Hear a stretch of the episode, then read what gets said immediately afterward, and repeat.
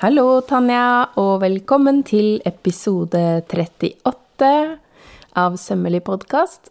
Og i dag skal vi snakke om noe som du kan ganske mye om, og jeg egentlig nesten ikke kan noen ting om. Ja, altså Vi skal jo prate om plantefarging og plantetrykk.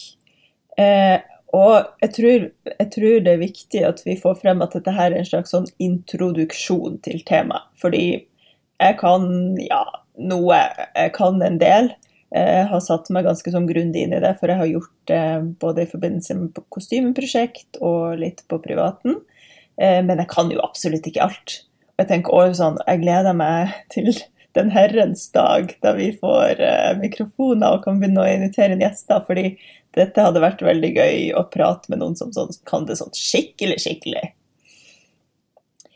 Men vi kan jo uh, nok til å i hvert fall introdusere det hele. Og kanskje få noen i gang med det. Men en ting som jeg lurer på, da, for nå er det jo høst. Er det for sent på sesongen å begynne å sanke inn ting nå? Eller er det ikke det? Nei, det er ikke det. Altså så lenge, plant, altså, så lenge det man planter med henger på trærne, for å si det sånn, da, så lenge det ikke gulner og har falt av, så er det fortsatt innafor. Og dessuten så er jo høsten høysesong for sopp. Og soppfarging er jo egentlig et sånn helt eget uh, kapittel i den store boka om plantefarging. Så uh, det er fortsatt veldig mange muligheter. Og uh, apropos soppfarging, hvis man sanker det inn nå, så kan man jo faktisk tørke det. Og farge i løpet av vinteren også. Og for ikke å snakke om alle tingene man bruker sånn hver dag til å lage mat med, som man også kan bruke til å farge. Ja, for det var egentlig mitt neste spørsmål. Hvis ja. man skal farge på vinteren, og det ikke er noen ting å sanke, fins det mm. da ting inni huset man kan bruke? Eller på matbutikken? Ja, masse ting. Altså på matbutikken, hvis vi starter på matbutikken da, løk. Altså løkskallet, på en måte det tørre skallet som er farga. Både fra rødløken og fra gulløken. Helt uh, prima til å farge eh, avokado, både steinen og det som er hva skallet på utsida, på en måte. Der har eh, jeg har en sånn pose under eh, kjøkkenbenken. Og der bare hiver jeg altså Etter jeg har skrapa ut all avokadoen fra skallet, så putter jeg det i den papirposen, for da tørker det sånn av seg sjøl inni der. Og så har jeg et lite stæsj. Og kjernen også. Um, te er jo en klassiker som kanskje er veldig enkelt å begynne med liksom sort te. Og stemmer det nypete, at man også kan bruke det? Ja, mm, det kan man. Det er vel litt sånn Hva skal man si? Det er ikke så lysekte eh, og fargeekte. Eh, men absolutt, man kan få en ganske fin rosafarge med det. Ja.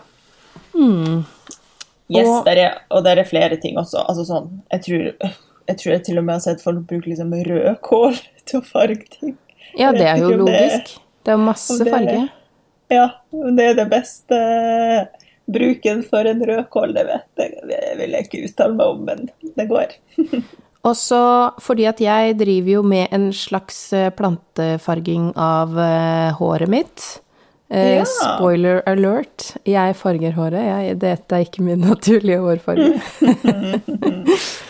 Um, og da bruker jeg jo hennafarge, og eh, da hender det at jeg liksom slenger oppi litt rødvin oppi der, og litt paprikapulver hender det at jeg tar oppi, for, liksom, for ja. da kan man justere fargen litt, eller gi en, en litt sånn ekstra Jeg vet ikke, farger man ting med rødvin, eller tenker man det er sløsing på rødvin? Eh, jeg tror nok man absolutt kan gjøre det, men igjen, det tror jeg også er veldig lite både vaskeekte og lysekte. Det blir jo sånn grått til slutt, på en måte. Hvis man har hatt ja. en rødvinsflekk på skjorta og vaska den, så blir den jo bare sånn grå. ja. ja. Så da må det være hvis man elsker grå, da. Ja, det, da er det bare å kjøre på, tenker jeg. Ja. ja. det er kanskje ikke det man vil bruke en eh, god flaske vin på. Yeah. Vi kommer liksom alltid inn på vin, Tanja. Jeg skjønner ikke helt hvordan det skjer. Nei, altså, det er vel sånn det er. Så sånn er det bare. Liv er vin. Vin, liv, liv, vin. Enig. Um, ja, så uh, er det kanskje tid for å snakke litt om hva slags utstyr man bør ha. Vi har vel, Det er mange av oss som har sett disse store heksegrytene dine. Ja. Og der er det jo litt viktig å påpeke at um, når man eh, driver med plantefarging, så bruker man en del stoffer som man kanskje ikke vil få i seg når man spiser. Så det jeg vil jo i aller høyeste grad anbefale å ha egne kjel, kjeler og, og alt, alle sånn sleiver og alt sånt, at man har egne til farging. Som ikke er ting man ellers bruker på kjøkkenet til mat. Um, og så er det jo kanskje noen som sier sånn Ja, men hvis jeg ikke bruker noe, noe som ikke er spiselig, eh, går det ikke greit da? Ja, jo, men tør du å satse på at det stoffet du putter i den gryta, at det ikke er noe i At det stoffet ikke er behandla med noe, eller hva Altså, det er så mange ting, da, som kan sive ut når ja. man først begynner å koke og hekse rundt sånne gryter. Så mitt eh, tips er ha egne gryter til det. Og der er det også Det er jo litt sånn at metall, altså typen metall man koker i, det kan påvirke både fargen og eh, det kan fungere som base og ja, mye forskjellig. Så jeg tror nok at man burde satse på altså sånne, sånne gamle aluminiumsgryter og sånne type ting. Det kan påvirke fargen. Og jern påvirker fargen masse, osv. Så, videre, og så, så um, bruk sånne vanlige Hva er det, er det stål som er i vanlige gryter? Jeg vet ikke. Sånne som ikke reagerer med noe på noen som helst måte. Ja, dere kjemikere ja. der ute eh, mener sikkert noe om det her. Ja. ja. Mm. Speak up. Men altså, jeg mener sånne eh, ganske moderne gryter, da. Ikke gå for de der eldste som er i aluminium eller jern eller ja. Mest, det finnes jo messinggryter og what, what not. Ikke gå for de. Gå for ikke-reaktive stålgryter. Jeg tror det er stål, jeg vet ikke. Jeg kan ingenting om eh, metall. Jeg må jo innrømme at uh, her begynner jo jeg å merke at jeg ikke har fullført naturfag på videregående. ja. uh, fordi at det her er jo Sånn informasjon fester seg ikke så godt hos meg, så jeg ble jo anbefalt å bare slutte på naturfag og heller fokusere på kunstfag. Uh, ja. Jeg kjenner litt på det akkurat nå. Akkurat nå, ja. Men, og her dukker det opp så mange spørsmål for meg, og vi skal jo snakke om utstyr, men jeg må spørre dem, fordi jeg er redd de forsvinner igjen. Ja. Eh, for sånn som eh, at eh, disse metallene kan påvirke fargen, da. Og så, sånn mm. det med beis, det har jeg sett Det har blitt omtalt mange ganger. Skjønner ja. ikke hva det betyr. Hvorfor kaller man det beis? Jo, nå skal du høre grunnen til at man kaller det beis, det, du må bare tenke sånn som eh, Eller jeg vet ikke, er det samme sommerhuset? I hvert fall, beising er noe man gjør først. Så man liksom forbereder stoffet ja. med en beis, sånn at det tar til seg farge bedre. Og sånn at fargen også holder lengre. Og uh, base Altså, det fins ulike typer base. Og den mest kjente er kanskje for de fleste Eller jeg vet ikke, hvis man har liksom begynt å skrape litt på plantefargingssåret, så den mest kjente er kanskje alun. Det er en type base. Og nå må jeg også skyte inn at plantefarging har vel vært sånn aller mest poppis blant strikkere. Altså i Norge har jeg opplevd det, i hvert fall. At mm. det er veldig mange som farger plantefarger garn men det er veldig få som gjør det med tekstil, som jeg har sett, som har vært veldig synlig, i hvert fall. Mm. Um, så de, hvis man liksom har uh, havna utpå noen sånn uh, garnfargingsdamer, de elsker alun, fordi alun er en veldig god base for ull. Mm. Yes. Så ull og silke, egentlig, animalske stoffer, eh, er veldig bra å base med alun både for at fargen skal bli sterkere, altså da tar eh, Jeg snakker om stoffer, da, så jeg sier tekstil. Da eh, tar tekstilen til seg bedre fargeemnene i planten. Og i tillegg så gjør det at fargen fester seg bedre og varer lenger. Um, og når vi nå først prater om det, så kan jeg også si at det er da altså animalske stoffer som tar til seg farge best uansett, altså også uten beising. Um, så ull og silke er liksom prima prima. Der får dere gode resultater uansett. Uh, med en gang man går over i liksom planteriket og, og bruker bomull eller lin eller uh, viskose, alt som er liksom laga av plantefiber, så er det en fordel å beiste med soyamelk har jeg hatt best resultat med, da. Det kan også være at det er andre ting som funker funka bra, men jeg har opplevd at soyamelk er både billig og funka veldig bra. Og grunnen til alt dette her, det er protein. For i de animalske stoffene så er det allerede protein i stoffet, som, og det er proteinet som binder fargen. Mens i, i å herregud, plantebaserte tekstiler, da, så er det ikke protein, og da må man binde proteinet til, og det gjør man med soyamelka, for den har jo mye protein i seg, og det er også en plante. Så de liksom Jeg vet ikke hva som skjer sånn helt nede på kjeves nivå, men de har det godt og gifter seg og hugger alt sånt. Og da fester fargen seg bedre også til den type tekstiler. Det her er veldig spennende, syns jeg. Og vi må jo eh, prate mer om stoffvalg eh, vil jeg tro. At det er flere ting vi skal si om det, kanskje. Ja. Eh, men uh, jeg må jo også bare skyte inn et spørsmål her. Fordi i vanlig farging, da, da jeg hadde farging på skolen, og da ikke plantefarging, da kunne man jo farge nylon. Men det går ikke med plantefarging, eller? Nei. Og egentlig så Jeg må ærlig innrømme at jeg ikke har prøvd å farge syntet med plantefarging. Men så vidt jeg har skjønt, så er ikke det en god match. Og da er det vel igjen dette her med at det må være protein i stoffene for at tanninene fra plantene skal feste seg. Mm. Eh, og så tror jeg når man farger kjemisk, så er det jo allerede kjemiske bindinger i den kjemiske fargen og men jeg har også Jeg leser jo på pakkene på sånne kjemiske farger òg at man ikke skal bruke Eller at det ikke går an å farge syntetiske fiber. Ja, det er Så. akkurat nylon som, eh, som, skiller seg ut. Det er i hvert fall min ah, ja. opplevelse av det. Men uh, Husker du hvorfor? Hva er det med nylon som gjør det? Nei, jeg er jo ikke en sånn faktaperson. Jeg husker jo ikke det hvis ikke jeg har erfart det, så det er veldig dumt. Men jeg det er litt interessant. Hvis noen ja. der ute vet, så får du ikke si fra. Jeg har ikke testa plantefarg på nylon, i hvert fall, så jeg kan vel ikke si verken ja eller nei. Men, men følelsen er i hvert fall nei. Ja, jeg kan være enig i den følelsen. var det også derfor jeg ville spørre, for det, det poppa opp hos meg. Men vi ja. snakka jo egentlig om utstyr. Fordi man har jo disse ja. kjelene som da må være eh, sånn og sånn type jern Nei, ikke jern, type metall. Ja. Um, Rustfritt stål er det vel, er vel det ute etter, tror jeg. Det Som, føles liksom, riktig. Ja. Og så må det jo være litt størrelse på de. Det skal jo være alt etter hva mm. man skal farge, selvfølgelig. Men skal man få farga en del meter med stoff, så lønner det seg å, å ha en stor nok kjele. Fordi mm. stoffet skal liksom helst ikke ligge sånn cruncha inni der. Det skal jo liksom helt flyte fritt for at det skal bli farga jevnt. Mm. Så fargesuppa kommer til overalt, at det ikke blir store kriker og kroker.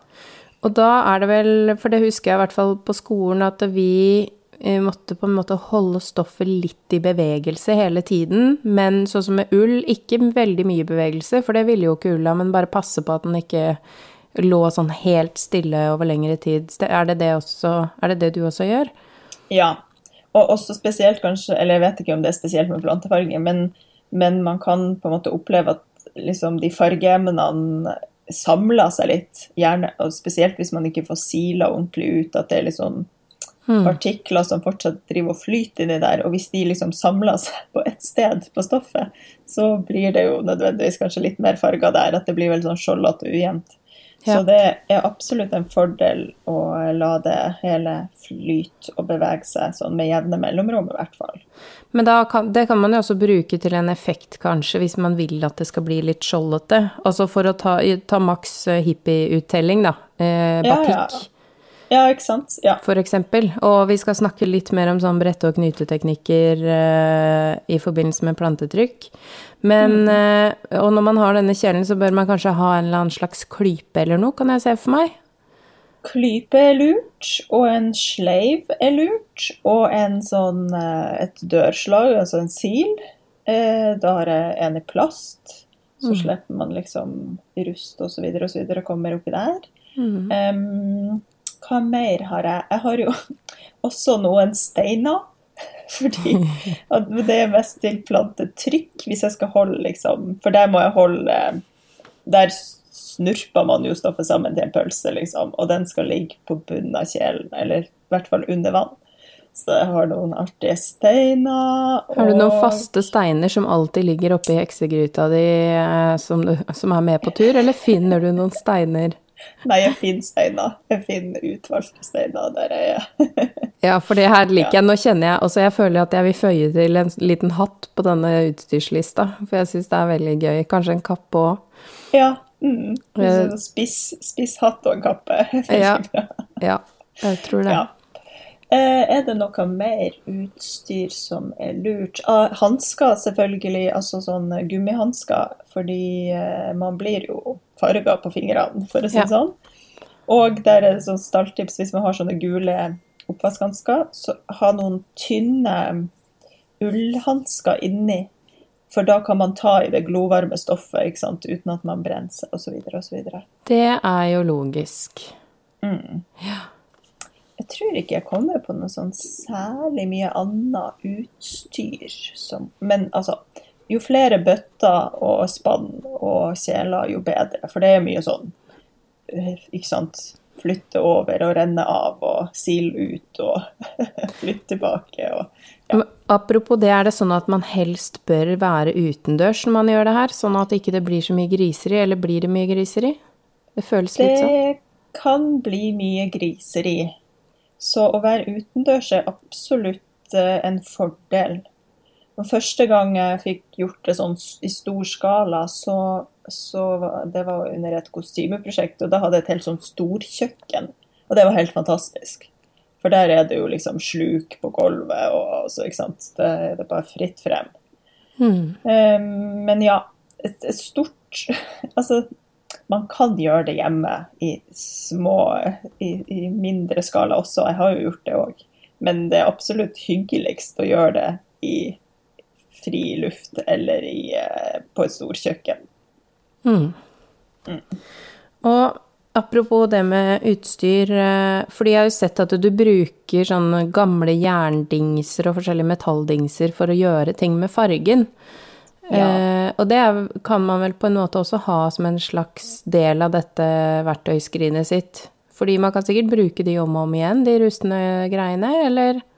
Ja. Mm. Hvis, eh, for det er jo ja, De rustne greiene, hva bruker jeg de til? Jo, jeg lager sånn jernvann, sånn rustvann. Og det, der er det jo flere veier til rom. Man kan enten bruke gamle rustne ting og legge det i vann, sånn at de slipper rustpartikler, og så blir det vannet sånn ja, jernvann. Eller så kan man kjøpe det i pulverform. Altså sånn jernvitrol, tror jeg det heter. Det pulveret som ser eh, Det er et sånt veldig klid turkist pulver, eller sånn grønnaktig turkist. Og så når man blander det ut i vann, så blir det rustent, det vannet. Det er veldig spesielt. Kjemi er gøy. Ja. Det er Ja. veldig fascinerende. Jeg, jeg syns også det er det veldig går- spennende. Det er ikke derfor jeg strøyk i naturfag, det er bare at jeg ikke, ikke forstår det så bra. Ja, men det går altså det der med For jeg har jo ja, sånne rustne spiker og diverse rustne deler som jeg legger vann innimellom. Men eh, det går an å gjøre det veldig mye mer stuereint og kjøpe det der kjemiske pulveret som man bare blander ut i vann. Ja, men for å få sånn denne store hekseopplevelsen, så er det jo veldig gøy å lage sitt eget jernvann av noen gamle kjettinger og sånn, da. Ja. Men hvor lang tid tar det? Hvor lenge må det ligge i vann, eh, det- dette rustne Det er litt avhengig av hvor rustent det er til å starte med. Jeg har laga rustent vann på gamle knappenåler også, faktisk. Men det måtte ligge ganske lenge, for de var jo ikke rusten i utgangspunktet. ikke sant? Mm. Så man må liksom, Og da må man gjerne tilsette litt syre, altså eddik f.eks., som gjør at pH-verdien eh, blir ganske sur, for da ruster det fortere. Mens hvis man finner noe rusten træl, så tar det bare liksom et par timer i vann, så er det vannet helt rustent. Ja, ja. Jeg trodde det var sånn to uker, jeg. Nei, nei, nei. Altså, hvis man starter opp fra scratch, så kan det ta flere uker. Men hvis man allerede har noe som har et godt sånt rustent belegg på seg, så jeg, jeg pleier alltid å legge ting over natta. Jeg syns sånn over natta er en veldig god en veldig sånn fin tidsramme som er veldig unøyaktig. Nei, bare sånn over natta. Ja. Men, eh, men det tar jo egentlig bare kanskje fem-seks timer, så er det vannet veldig rustent og flott. Men hva er det den gjør med fargen, hvis man da velger å bruke rustvann? Ja. Eh, det er jo da jern, ikke sant. For Mm. det er jo jern som ruster. For da blir det som beisen. Det kan både brukes som beis, at man legger hele stoffet inni der, og da har man liksom beisa det stoffet. Eh, så hele stoffet reagerer med fargen.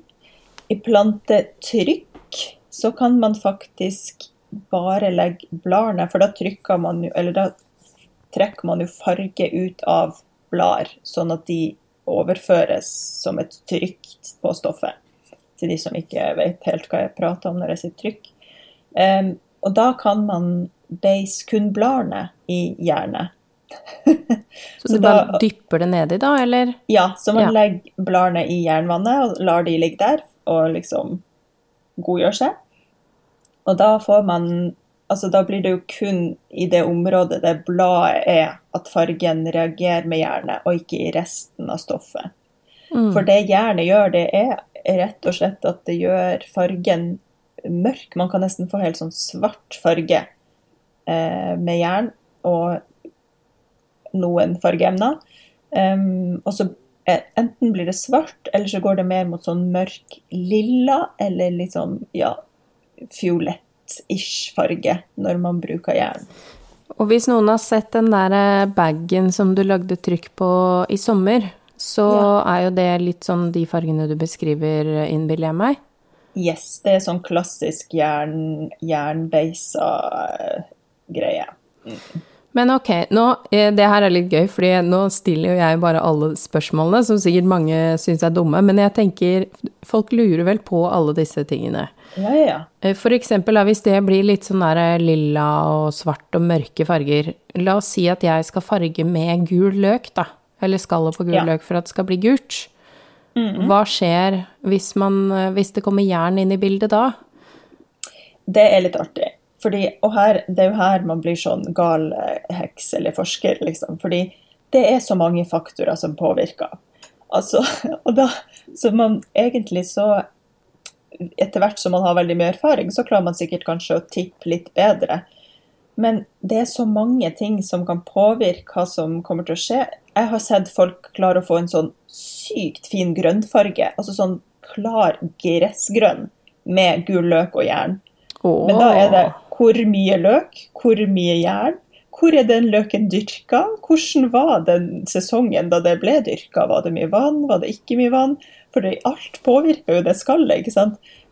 Fordi er det lite vann, så er det akkurat som at det er mer farge i eh, bladene eller i eh, planten. Mens har det vært en veldig sånn fuktig sommer, eh, så blir det litt mer sånn utvaska. Og der, det, det, det her syns jeg er jo dritartig med det hele. ikke sant? Fordi farger man med bjørkeløv på våren, så får man en helt sånn kjempeklar gul farge. Farger man med bjørkeløv fra samme planten på høsten, så får man sånn okergul, mer eh, sennepsgul farge. Så altså, er det så mange ting som påvirker her, at uh, du vet egentlig aldri hva du får. Men jo, jern og gult kan bli grønt, kan også bli brunt, kan også bli helt svart. Ja, så her gjelder det bare å prøve egentlig med en lapp før man eh, går løs på den eh, nydelige morgenkåpa man skal farge, eller hva det nå er. Ja. Det var en grunn til at jeg brukte tenker- den som eksempel, det skal vi komme tilbake til. Ja. Eller så tenker jeg at man Det jeg syns er det beste med plantefarging, er at man må ta en liten risiko, og så må man akseptere. Ja, sånn ble det denne gangen. Interessant. Mm. Lekse til livet generelt. Yes.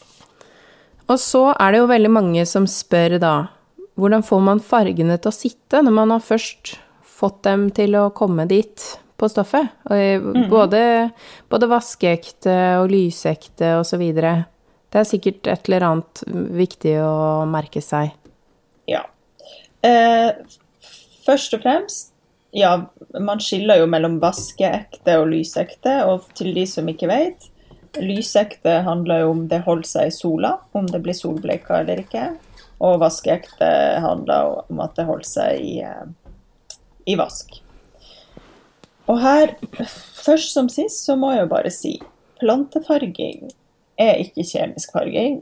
Det er ikke like stabilt, det er ikke like holdbart. Og det, altså, det kan være det. Mye av det er veldig holdbart, og man har jo masse liksom Jeg tror det var ei som var innom meg på sømmerom som fortalte om noen fillerier som oldemora eller bestemora hennes drev og lagde, og da farga de eh, stoffene de brukte i den fillerya med bjørk, og det var fortsatt gult, liksom. Så ja, det holder. Det kan holde veldig lenge, men jeg regner jo med at den fillerya ikke ble vaska på 40 grader med uff, blenda hvitt, liksom. Så det er jo liksom Det handler om hva slags behandling går det gjennom etterpå også. Ja. Er det en T-skjorte du har tenkt å vaske hver uke eller flere ganger i uka, så kommer ikke den fargen til å holde så godt uansett. Og la oss bare ha det liksom sånn helt klart. Plantefarging er jo en uh, naturlig prosess. Og som kanskje veldig mye annet naturlig, så har det jo Altså, det er jo ikke like påståelig, eller hva jeg skal si, som kjemi, som jeg syns er det fine med det. ikke sant? At det er mye mer sånn forbigående, og det krever mye mer tid, og ja, det er liksom alle de bra tingene i verden, og ikke sånn som kjemisk farging. Um, men det, selvfølgelig kan man gjøre ting for at ting skal vare. For det første så må man vite hva man farger med, og om det man farger med er, er vaskeekte og eh, lysekte. Og en sånn veldig god pekepinn er det her med tanniner. Det fins jo i vin, blant annet. Eh, Det fins i alt som er litt sånn bittert. F.eks.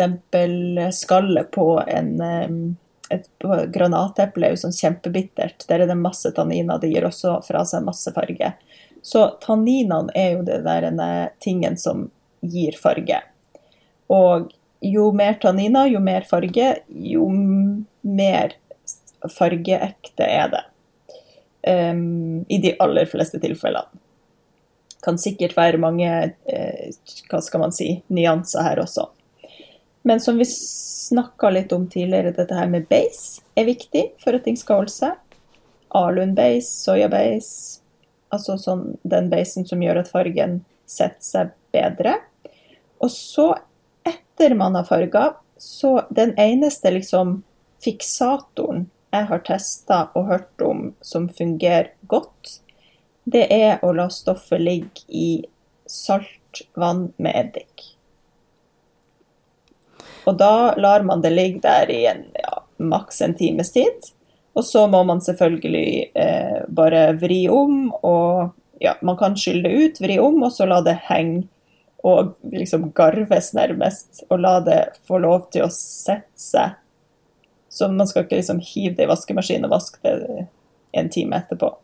Så det tar, det tar jo litt tid, da. Da må man liksom la stoffet hvile. Og jo lengre man lar det hvile Jeg har lest et sted at jo lengre man lar det henge og bare ikke eh, vasker det, jo mer kommer fargen til å sitte etterpå. Men er det sånn da at hvis man eh, henger det da, på en snor f.eks., eh, hvis det da blir tørt akkurat der hvor den snora har vært, eller det blir en sånn brett, vil det merkes? Bør det helst ligge flatt? Nei, det har Eller spiller det noen rolle? Og jeg har ikke opplevd at det har noen ting å si. For når man på en måte når fargeprosessen er ferdig og man har skylt ut alt, alt, farge, alt av fargeemnene som er igjen der, så er det jo ingenting igjen som kan samle seg. Da er det jo bare den fargen som har satt seg i stoffet, som er igjen. Mm. Ja. Så det må være skikkelig vridd opp, ikke sånn at det drypper. Ja, det vil jeg si at jeg, eller jeg er generelt veldig glad i å vri opp ting skikkelig. Ja, Så, ja.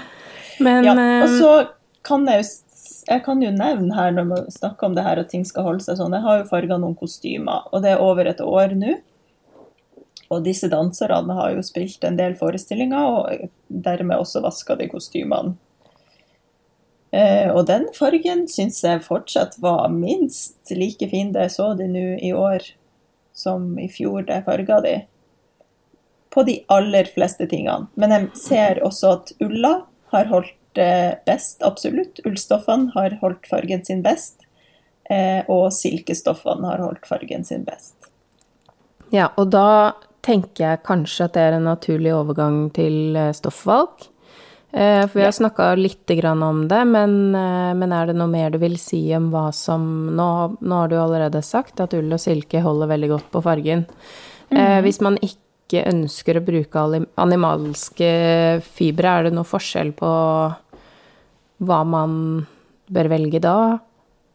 Da er det jo hamp, lin og eh, bomull tar farge ganske godt. Alt av sånne regenererte fiber som viskose, litt mindre, men jeg har egentlig fått veldig gode resultater på viskose også.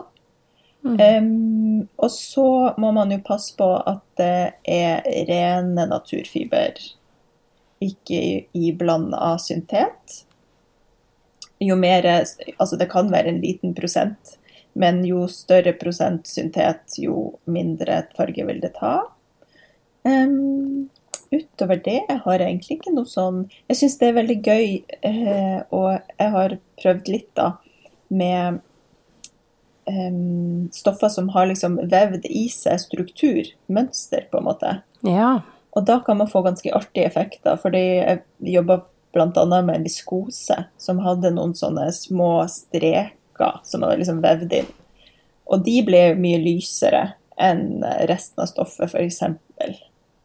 Så det er jo litt Ja, det, var- det syns jeg var artig. Og jeg kan ikke helt skjønne hvorfor, for det var 100 viskose alt sammen. Men det er vel kanskje noe med hvordan trådene ligger, og at de ikke tok til seg farge like tett, for de lå ikke like tettvevd i de strekene, så kanskje det var det som gjorde det. Jeg vet sannelig om jeg vet, men det er litt morsomt da å eksperimentere med sånne ting òg. Og, og det er også litt morsomt det du sier med regenererte fibre, for i syntetisk farging så Ja. er jo det noe av det som tar best farge. Hvis du har en eh, et, I hvert fall opplevde jeg det da vi lagde prøver. Hvis jeg hadde slengt opp i en viskoseprøve sammen med andre stoffer, så tok den alltid Den ble alltid mørkere enn de andre. Ja. Eller mer intens. ja, ikke sant. Sånn er det med silke og ull når jeg drev og kasta masse sånn prøvelapper opp i fargesuppene. Så er det liksom alltid silke og ull som kommer ut mørkest og har mest sånn intens, fin farge. Mm. Og det er vel kanskje et godt tips uansett, at man gjør det med hvis man har flere stoffer å velge i, at man tar et sånn testbad med lapper av forskjellige og passer på å merke godt. Ja. Og så kanskje man samler alltid en perm til senere referanse. Skriver hvor mye man hadde av hver og sånne ting. Er det det du gjør med dine prosjekter? Ja, det er det jeg har gjort hele veien. Og med det, eksempel det kostymprosjektet, det, det var jo helt luksus, for da hadde jeg flere dager til å bare drive og teste masse gryter og hive i bare sånne smålapper og ta de ut og samle de og skrive opp, og det var veldig hyggelig. Eh, så da fikk jeg jo liksom også prøvde liksom OK, hva skjer hvis jeg bruker samme suppe, men har beisa i alum først? Og hva skjer hvis jeg har samme suppe, men har beisa i jern først? Og så videre og så videre. Så det var gøy. Det man må, bare må huske på der, er hvis man bruker jern som base eh, i en fargesuppe, så har man jo da allerede sluppet jernet ut i den suppa, så den kommer til å bli grumsete. Den kommer liksom aldri til å få den klare fargen igjen.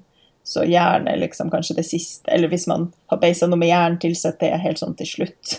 Ja. For da har du for alltid gjort den suppa til en jernsuppe, liksom. ja. Ja. Og en ting, et spørsmål som dukka opp hos meg som jeg ikke fikk stilt eh, da vi snakka om beis.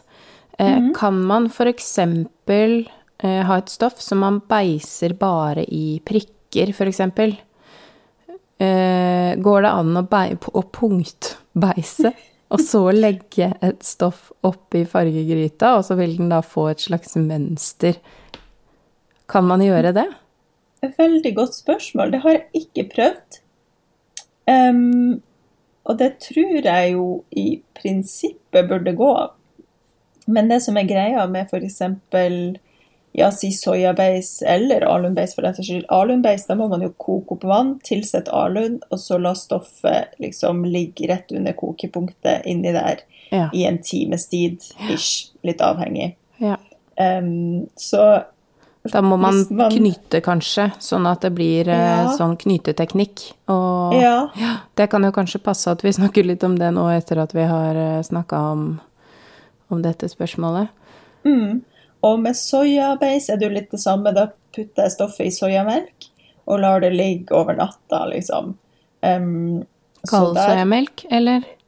Kald soyamelk, ja. Ja. Så det er bare kaldbeising, ikke noe Ja. varming. For da kunne man jo kanskje ha tatt noen eh, eh, Noen eh, hva, hva skal jeg kalle det? Noen dotter med soya. og putta på stoffet. Ja, hvis man liksom klarer å legge stoffet ut helt flatt, Ja. og så lar det, og så punktbeisa. Mhm. Det hadde vært veldig gøy å teste og se. Det, mm, det her er jo print eh, Jeg som er så glad i print.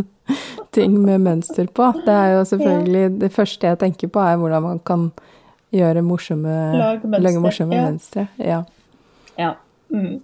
Eh, og der må jeg jo også bare si at det er jo liksom Jeg har veldig mange sånne prøvelapper da fra f.eks. det forrige prosjektet, og det er jo det er ikke store forskjeller. Jeg har liksom prøvd å alunbeis og ikke alunbeis ull. Mm. Jeg opplevde egentlig at det ble ganske like resultater. Mm. Men at ull, uansett fargeemne, så tok ull til seg mer farge enn alle andre, f.eks. Ja. Så det er jo litt sånn der, er- det, er det er ikke Igjen, plant, alt sånn eh, som er såpass naturlig, og plantefarging og alt sånt, det blir jo ikke liksom Det blir ikke de store forskjellene, føler jeg. Noen ganger kan det nok absolutt bli det. Og det er ikke dermed sagt at man ikke får sykt fine, sterke farger, men, eh, men ja, det krever litt kunnskap å komme seg dit, da. Så, og mye eksperimentering. Så jeg vil jo bare eh, Det er kanskje mitt beste tips. Test ut masse. Mm.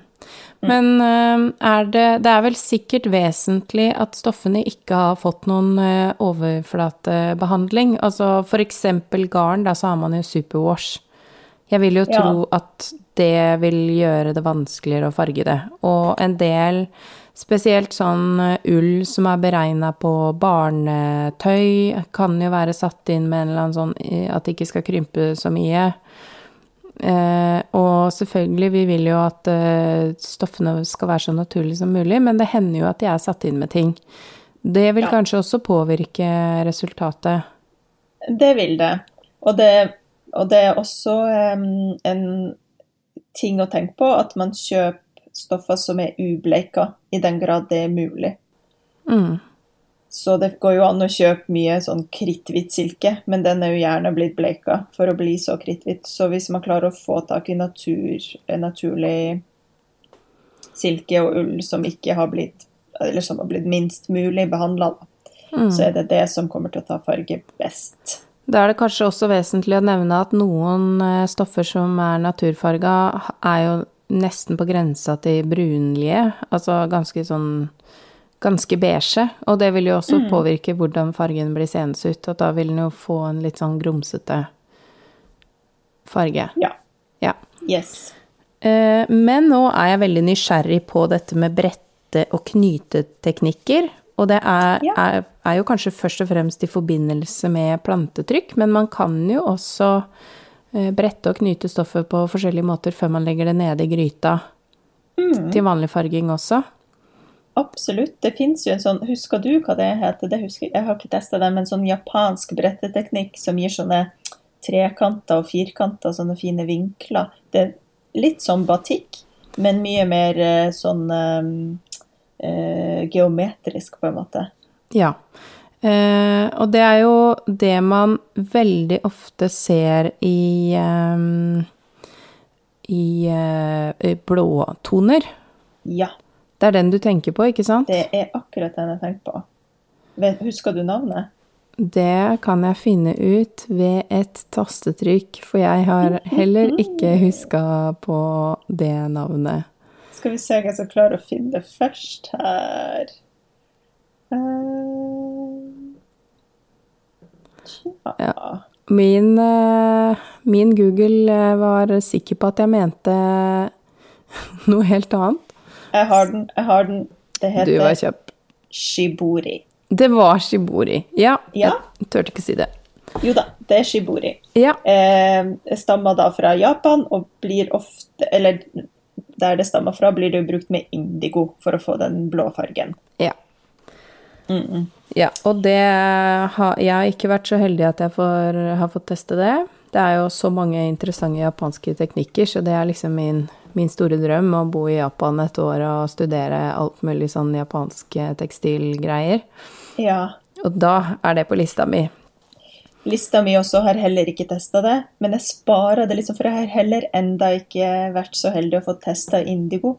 Men det har jeg veldig lyst til, og da Mm. føler jeg at jeg liksom sparer shiborien til den dagen jeg skal farge med indigo. Ja, enig. Ehm, og ja, altså, og da er det jo alt fra Altså innen batikk så er det jo alt fra sånn at man kan vri og sette på Knyte på noen hyssinger og det er egentlig alle mulige ting man kan gjøre for å få den typen uh, mønster. Da kan man jo bare egentlig google på batikk, så kommer Ja, det det- opp en del. er superenkelt. Det er jo egentlig bare å få stramma inn en del av stoffet med tråd. For da kommer ikke fargen like godt til der, og så blir det sånn god hippiestemning, som vi sa. ja. Det gjelder vel egentlig generelt eh, at man kan jo eksperimentere litt med hvordan hindre farge å komme til noen steder. Absolutt. Ja. Eh, og i plantetrykk så, så er det jo noe sånn noe bretting og knyting. Um, ja. Altså plantetrykk, sånn som jeg sa det, det er jo når man får trykk avtrykket av blader over på tekstil. Og det skjer ikke med at man Det er mange som spør sånn Å, hvilken type maling har du brukt? Nei, det er ikke noe maling. Det er ikke som, som liksom fingermaling der man tar sånn avtrykk av hånda si. Det er at man legger bladet på stoffet, og har da beisa enten stoffet eller bladet og forberedt eh, hele den prosessen. Sånn at man klarer å trekke ut de naturlige fargene og tanninene som sitter i bladet, og de blir da et sånt vakkert avtrykk av bladet som sitter igjen på stoffet. Eh, og bretting i forhold til det, det er jo at man er nødt til å få god kontakt mellom bladene og stoffet. Og da er man nødt til å rulle eller brette sammen på en sånn veldig tett måte. Ikke noe egentlig fasit. Mange ruller det rundt ting. Hvis man har liksom en kjevle, så kan man etter man har lagt på bladene, bredt stoffet pent sammen, og så liksom rulle det tett, tett, tett rundt en kjevle. For da får man eh, da får man ikke noe stoff som ligger liksom helt i midten. Hvis man bare hadde rulla stoffet, så hadde det vært noe stoff som hadde ligget liksom helt inni Ja, midten av den pølsa. Mm, Ja. Og ikke fått like mye varme og sånn. Når man, for dette her skal jo da i heksegrytene og koke, eller ligge under kokepunktet, eller dampes over lang, lang tid. Um, ja, så akkurat der er det mest sånn tett rulling for å få bladene og stoffet til å ligge helt clean inntil hverandre. Men du sa jo tidligere at du beiser bladene når du skal gjøre trykk. Eh, enten stoffet eller bladene, ja. Ikke begge. En av dem. Ikke begge. Man kan gjøre begge, men da får man bare samme effekten overalt, på en måte. Ja. Ja. Yes. Og så kan man også Noen eh, blader gir jo Det er det jeg, jeg opplever at hvis man bruker jern som katalysator, så får man liksom både mørkere og tydeligere trykk. Mm. Men jeg har sett folk klare å få altså sjukt pene trykk uten jern også. Jeg har bare ikke helt klart å, å um, ja, knekke den nøtta, rett og slett. Hvordan de gjør det. For eh, hos meg så blir det veldig sånn veldig svake trykk når jeg ikke bruker jern. Mm. Men det skal jeg jo da forske ganske mye mer, så updates kommer vel på det um, når den tid kommer. ja, det vil jeg tro at du sjekker ut. Yes. Men for det hjernen gjør, er jo selvfølgelig både at det hjelper som en katalysator, men også fordi det reagerer med fargene, så, så kommer det mye tydeligere frem der bladene har sluppet farge, ikke sant. Mm. Så bra. Um, jeg tenker jo at folk Nå har de vel fått en sånn slags innføring. Er det noe vesentlig Jeg skal ta alle disse spørsmålene vi har fått inn, men er det noe vesentlig du føler du sitter inne med nå? Um, for det første så har jeg en del sånn innspo både i bøker og på Instagram som jeg kan ta. Eh, mm. Kan du si hvilke bøker jeg, jeg, har brukt? Og da har jeg brukt to um, utenlandske bøker. Og den ene er skrevet av ei som heter Rebekka Desnos. Vi kan jo legge alt det her ut på highlights eh, på Instagram også, hvis noen lurer. Og Rebekka finner dere også på Instagram. Hun heter da Rebekka Desnos på Instagram, med to c-er. Rebekka med CC. Og hun har skrevet en bok som heter 'Botanical Color at Your Fingertips', som er veldig fin. Som jeg anbefaler. Eh, og jeg mener at hun òg er veganer og kun bruker Hun bruker faktisk ikke noen animalske stoffer i, når hun planter farger og trykker. Så det er en veldig inspirerende fin bok. Og så er det ei som heter Babs Behan, Behan, Behan litt usikker, B-E-H-A-N, eh, som har skrevet en bok som heter Botanical Inks, som også er en veldig fin bok. Eh, og hun finner man på Instagram under navnet Botanical Inks.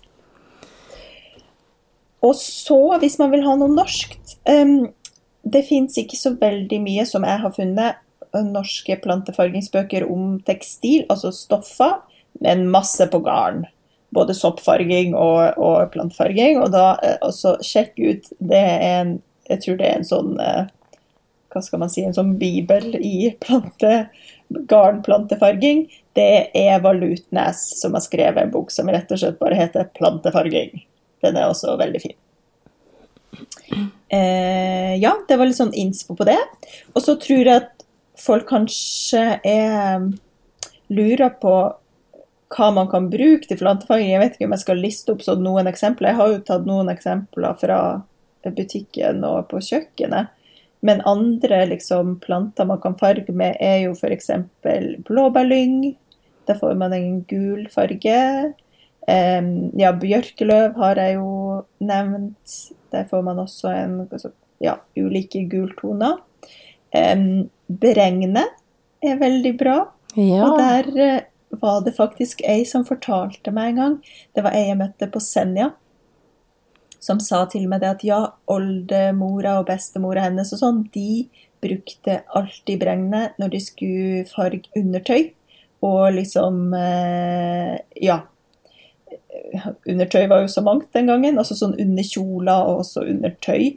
Fordi det var fransk mote å ha sånn pudderfarga undertøy. Og det fantes jo ingen mm. steder her i Norge. Ja. Så da liksom farga de det med bregne, for da fikk de sånn ja, sånn fersken, dus ferskenfarga undertøy. Ja.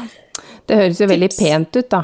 Da må vi også presisere at pudderfarga, det er jo da hvis man er, har en nordisk hud. Lys, lys hud. Godt presisert. Men, eh, men, den fargen er jo pen på all ja. hud, som jeg har sett, i hvert fall. Eh, veldig fint. Ja. ja. Sånn dusfersken mot beige. Ja. Eh, ja, og så er Mange vil jo jeg tenker at mange egentlig er interessert i sånne mer harde, skarpe farger, da. Og da må jeg jo si at jo mer unaturlig farge, eller sånn unaturlig, hva mener jeg med det? Knæsj. Men for eksempel, ja, ja. blått, da, for eksempel, er vanskelig. Eh, der må man over på enten indigo, som er en litt mer eh, forseggjort prosess, som jeg ikke kan si noe om, så da går jeg ikke inn på det. Og så kan man også få blått av en plante som heter Vide, som jeg heller ikke har testa. Eh, og den tror man kan finne den eh, viltvoksne, men for det meste så er det vel enklest å dyrke den. Og samme med sånn knallrødt. Da må man ned i røttene på planta, og da bruker man røttene til f.eks. krapp. Det tror jeg heller ikke fins viltvoksende i Norge, det må man også dyrke. Nå får folk arrestere meg hvis det her er helt feil. Og så er det en farge, eller en plante, som heter hvitmaure.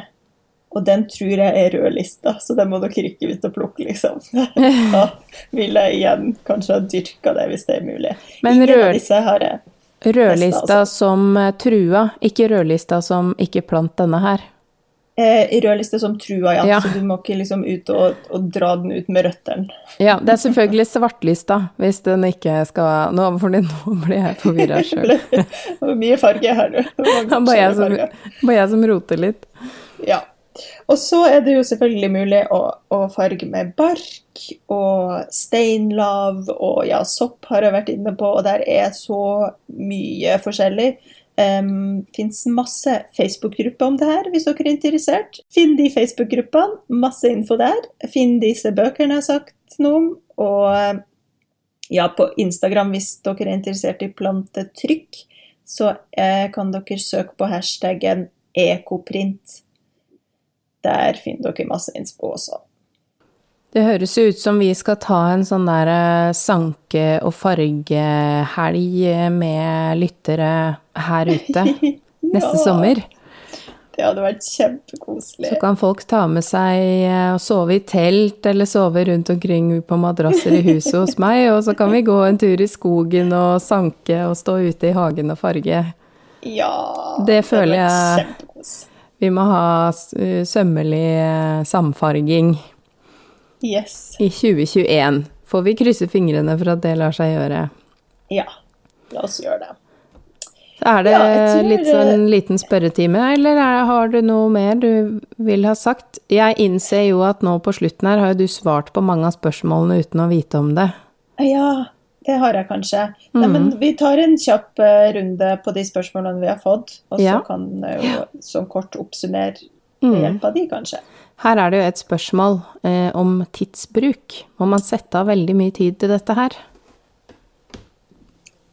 Tid er jo relativt. Jeg vil si nei i forhold til mitt egen tidsregning, men sikkert ja i forhold til de fleste andre sin tidsregning. Ting tar jo tid. Man skal beise over natta, og man skal farge over natta, og man skal la ting For å lage en fargesuppe, det tar jo alt fra én time og oppover. Og koke opp liksom plantene til å bli en sånn fargesuppe. Eh, og så skal jo stoffet ligge i der, og jo lengre man Jo mer tid man har, jo bedre resultater får man, kan jeg kanskje si. For det, dette er prosesser som tar tid. Kan man f.eks. ha en venninnehelg med plantefarging, inkludert sanking og det hele, eller er det veldig optimistisk?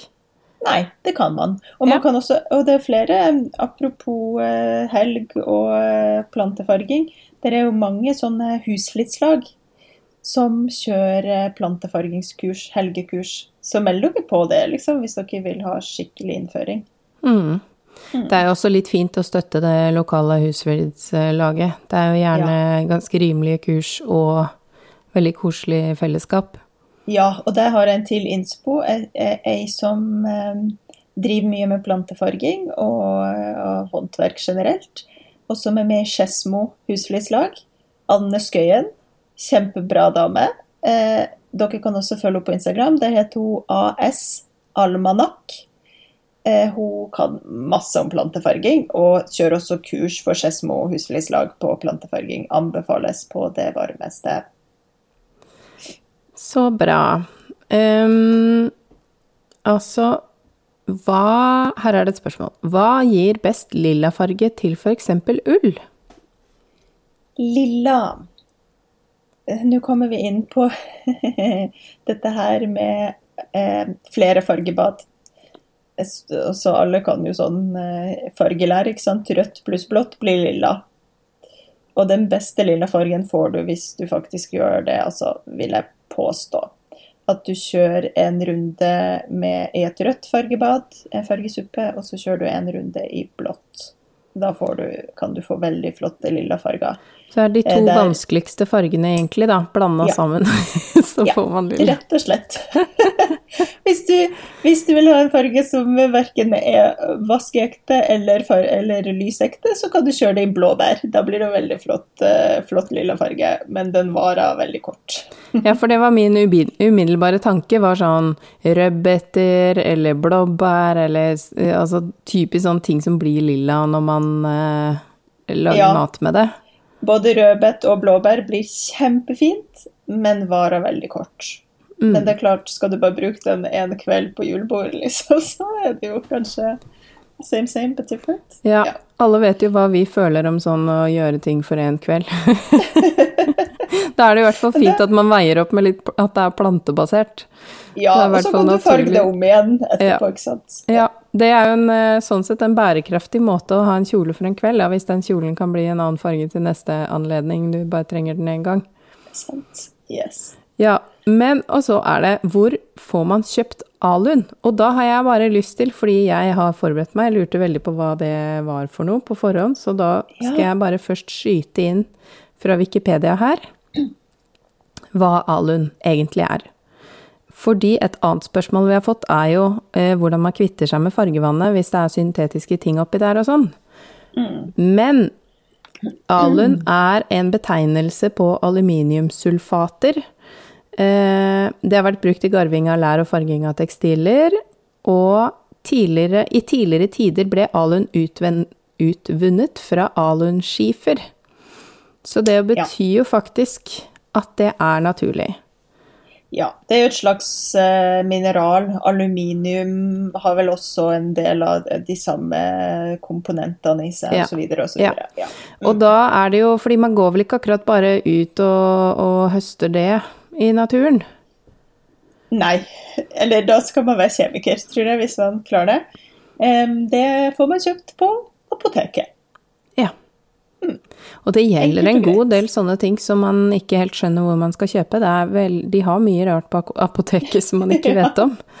ja, da er det bare å gå og det, ikke, det, står ikke på hylla, liksom. Du må gå bort og si sånn Hei, har du Alun? Ja, det ja. har de. Så får du en liten sånn eh, vitaminpilleboks med det. mm. Yes. Um, og det med å kvitte seg med dette fargevannet, da. Hva gjør du?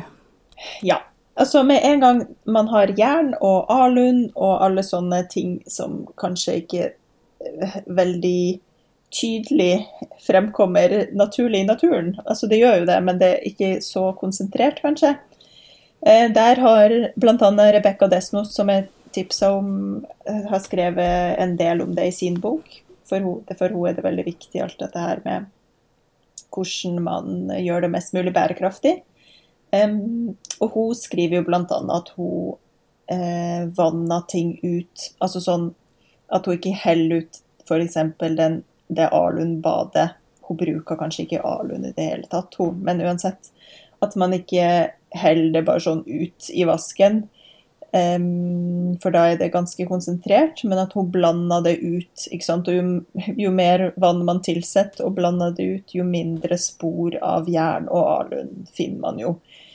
Men ja, jeg vet ikke. Her kan folk igjen arrestere meg. Jeg tenker liksom Det skal være veldig konsentrert for at det skal ha eh, stor skadepåvirkning hvis man heller det ut i vasken. Hvis man heller ut sånn rett på bakken ute, ville jeg absolutt ha prøvd å, å eh, konsentrere det ned mest mulig. Men når det går gjennom hele systemet vårt med rensing og alt sånt som skjer i kloakken, så føler jeg at det skal være veldig konsentrert aluminium eller jern for at det skal liksom være dumt. Og her igjen kan folk gjerne gi meg en smekk på fingeren og si nei. Eh, men det, det beste jeg har funnet hvis man liksom skal slippe det ut i naturen eller ut i vasken, få det vannet ut, vannet ned mest mulig, sånn at det blir liksom lite spor av det stoffet. Ga det mening? Ja, det ga mening. Ja. Um, og jeg kom til å tenke på en ting vi ikke har snakka om i det hele tatt.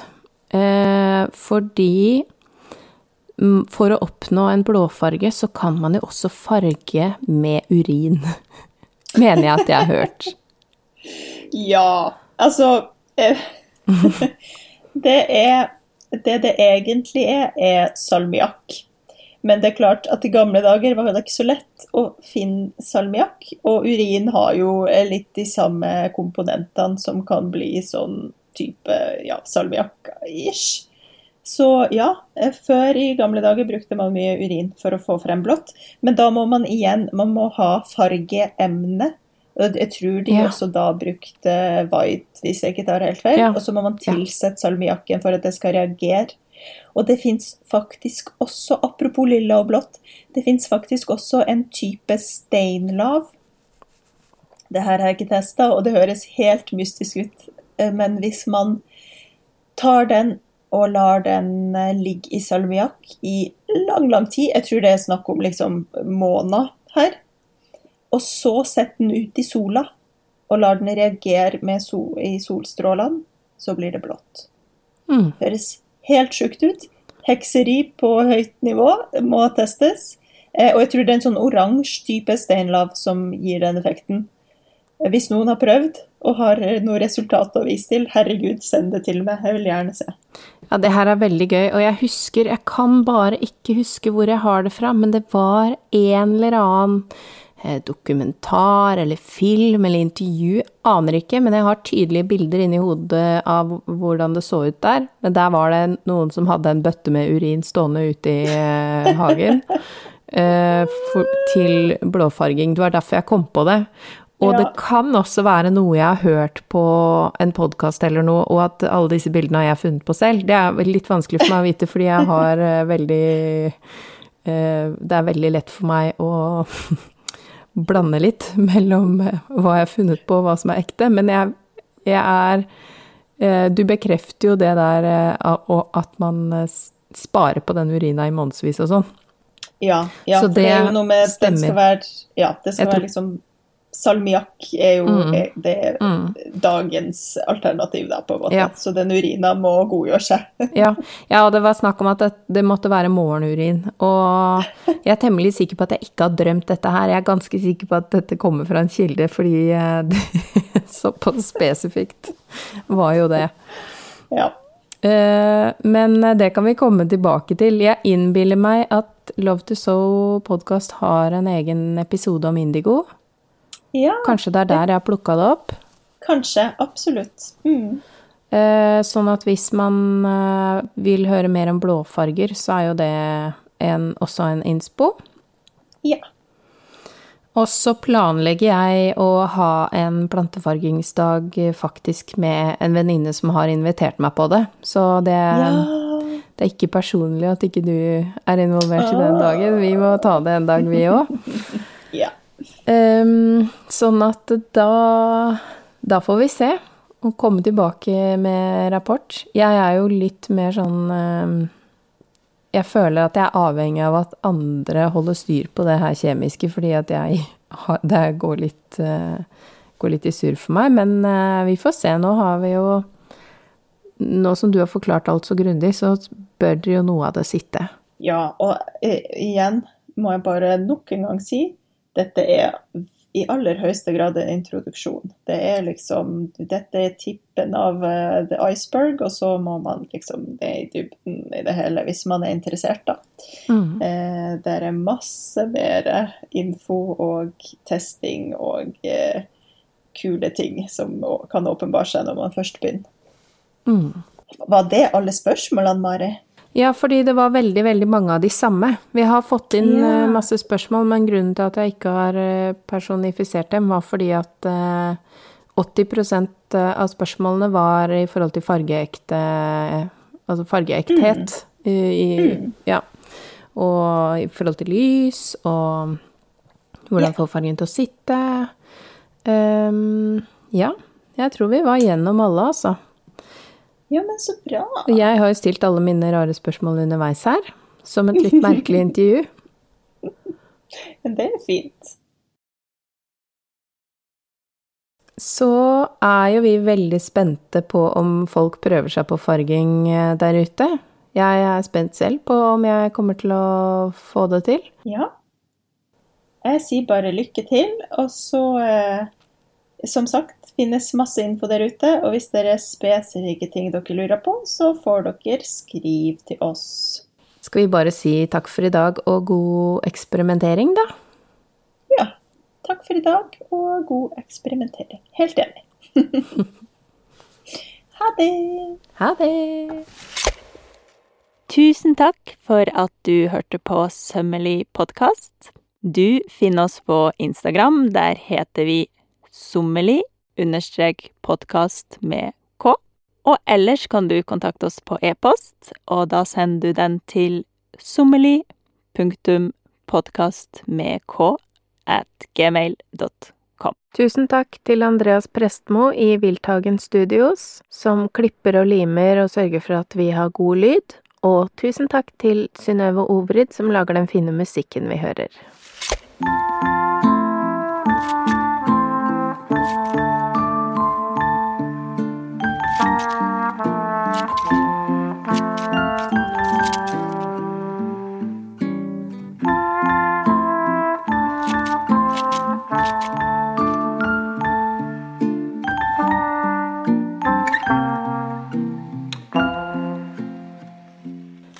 Hvis du har lyst på enda mer innhold fra oss, så kan du finne oss på Patrion. Da går du inn på www.patreon.com slash sommelier, og der kan du enten støtte oss som en skytsengel eller som en støttekontakt for å få ekstra snacks. www.patreon.com slash sommelier.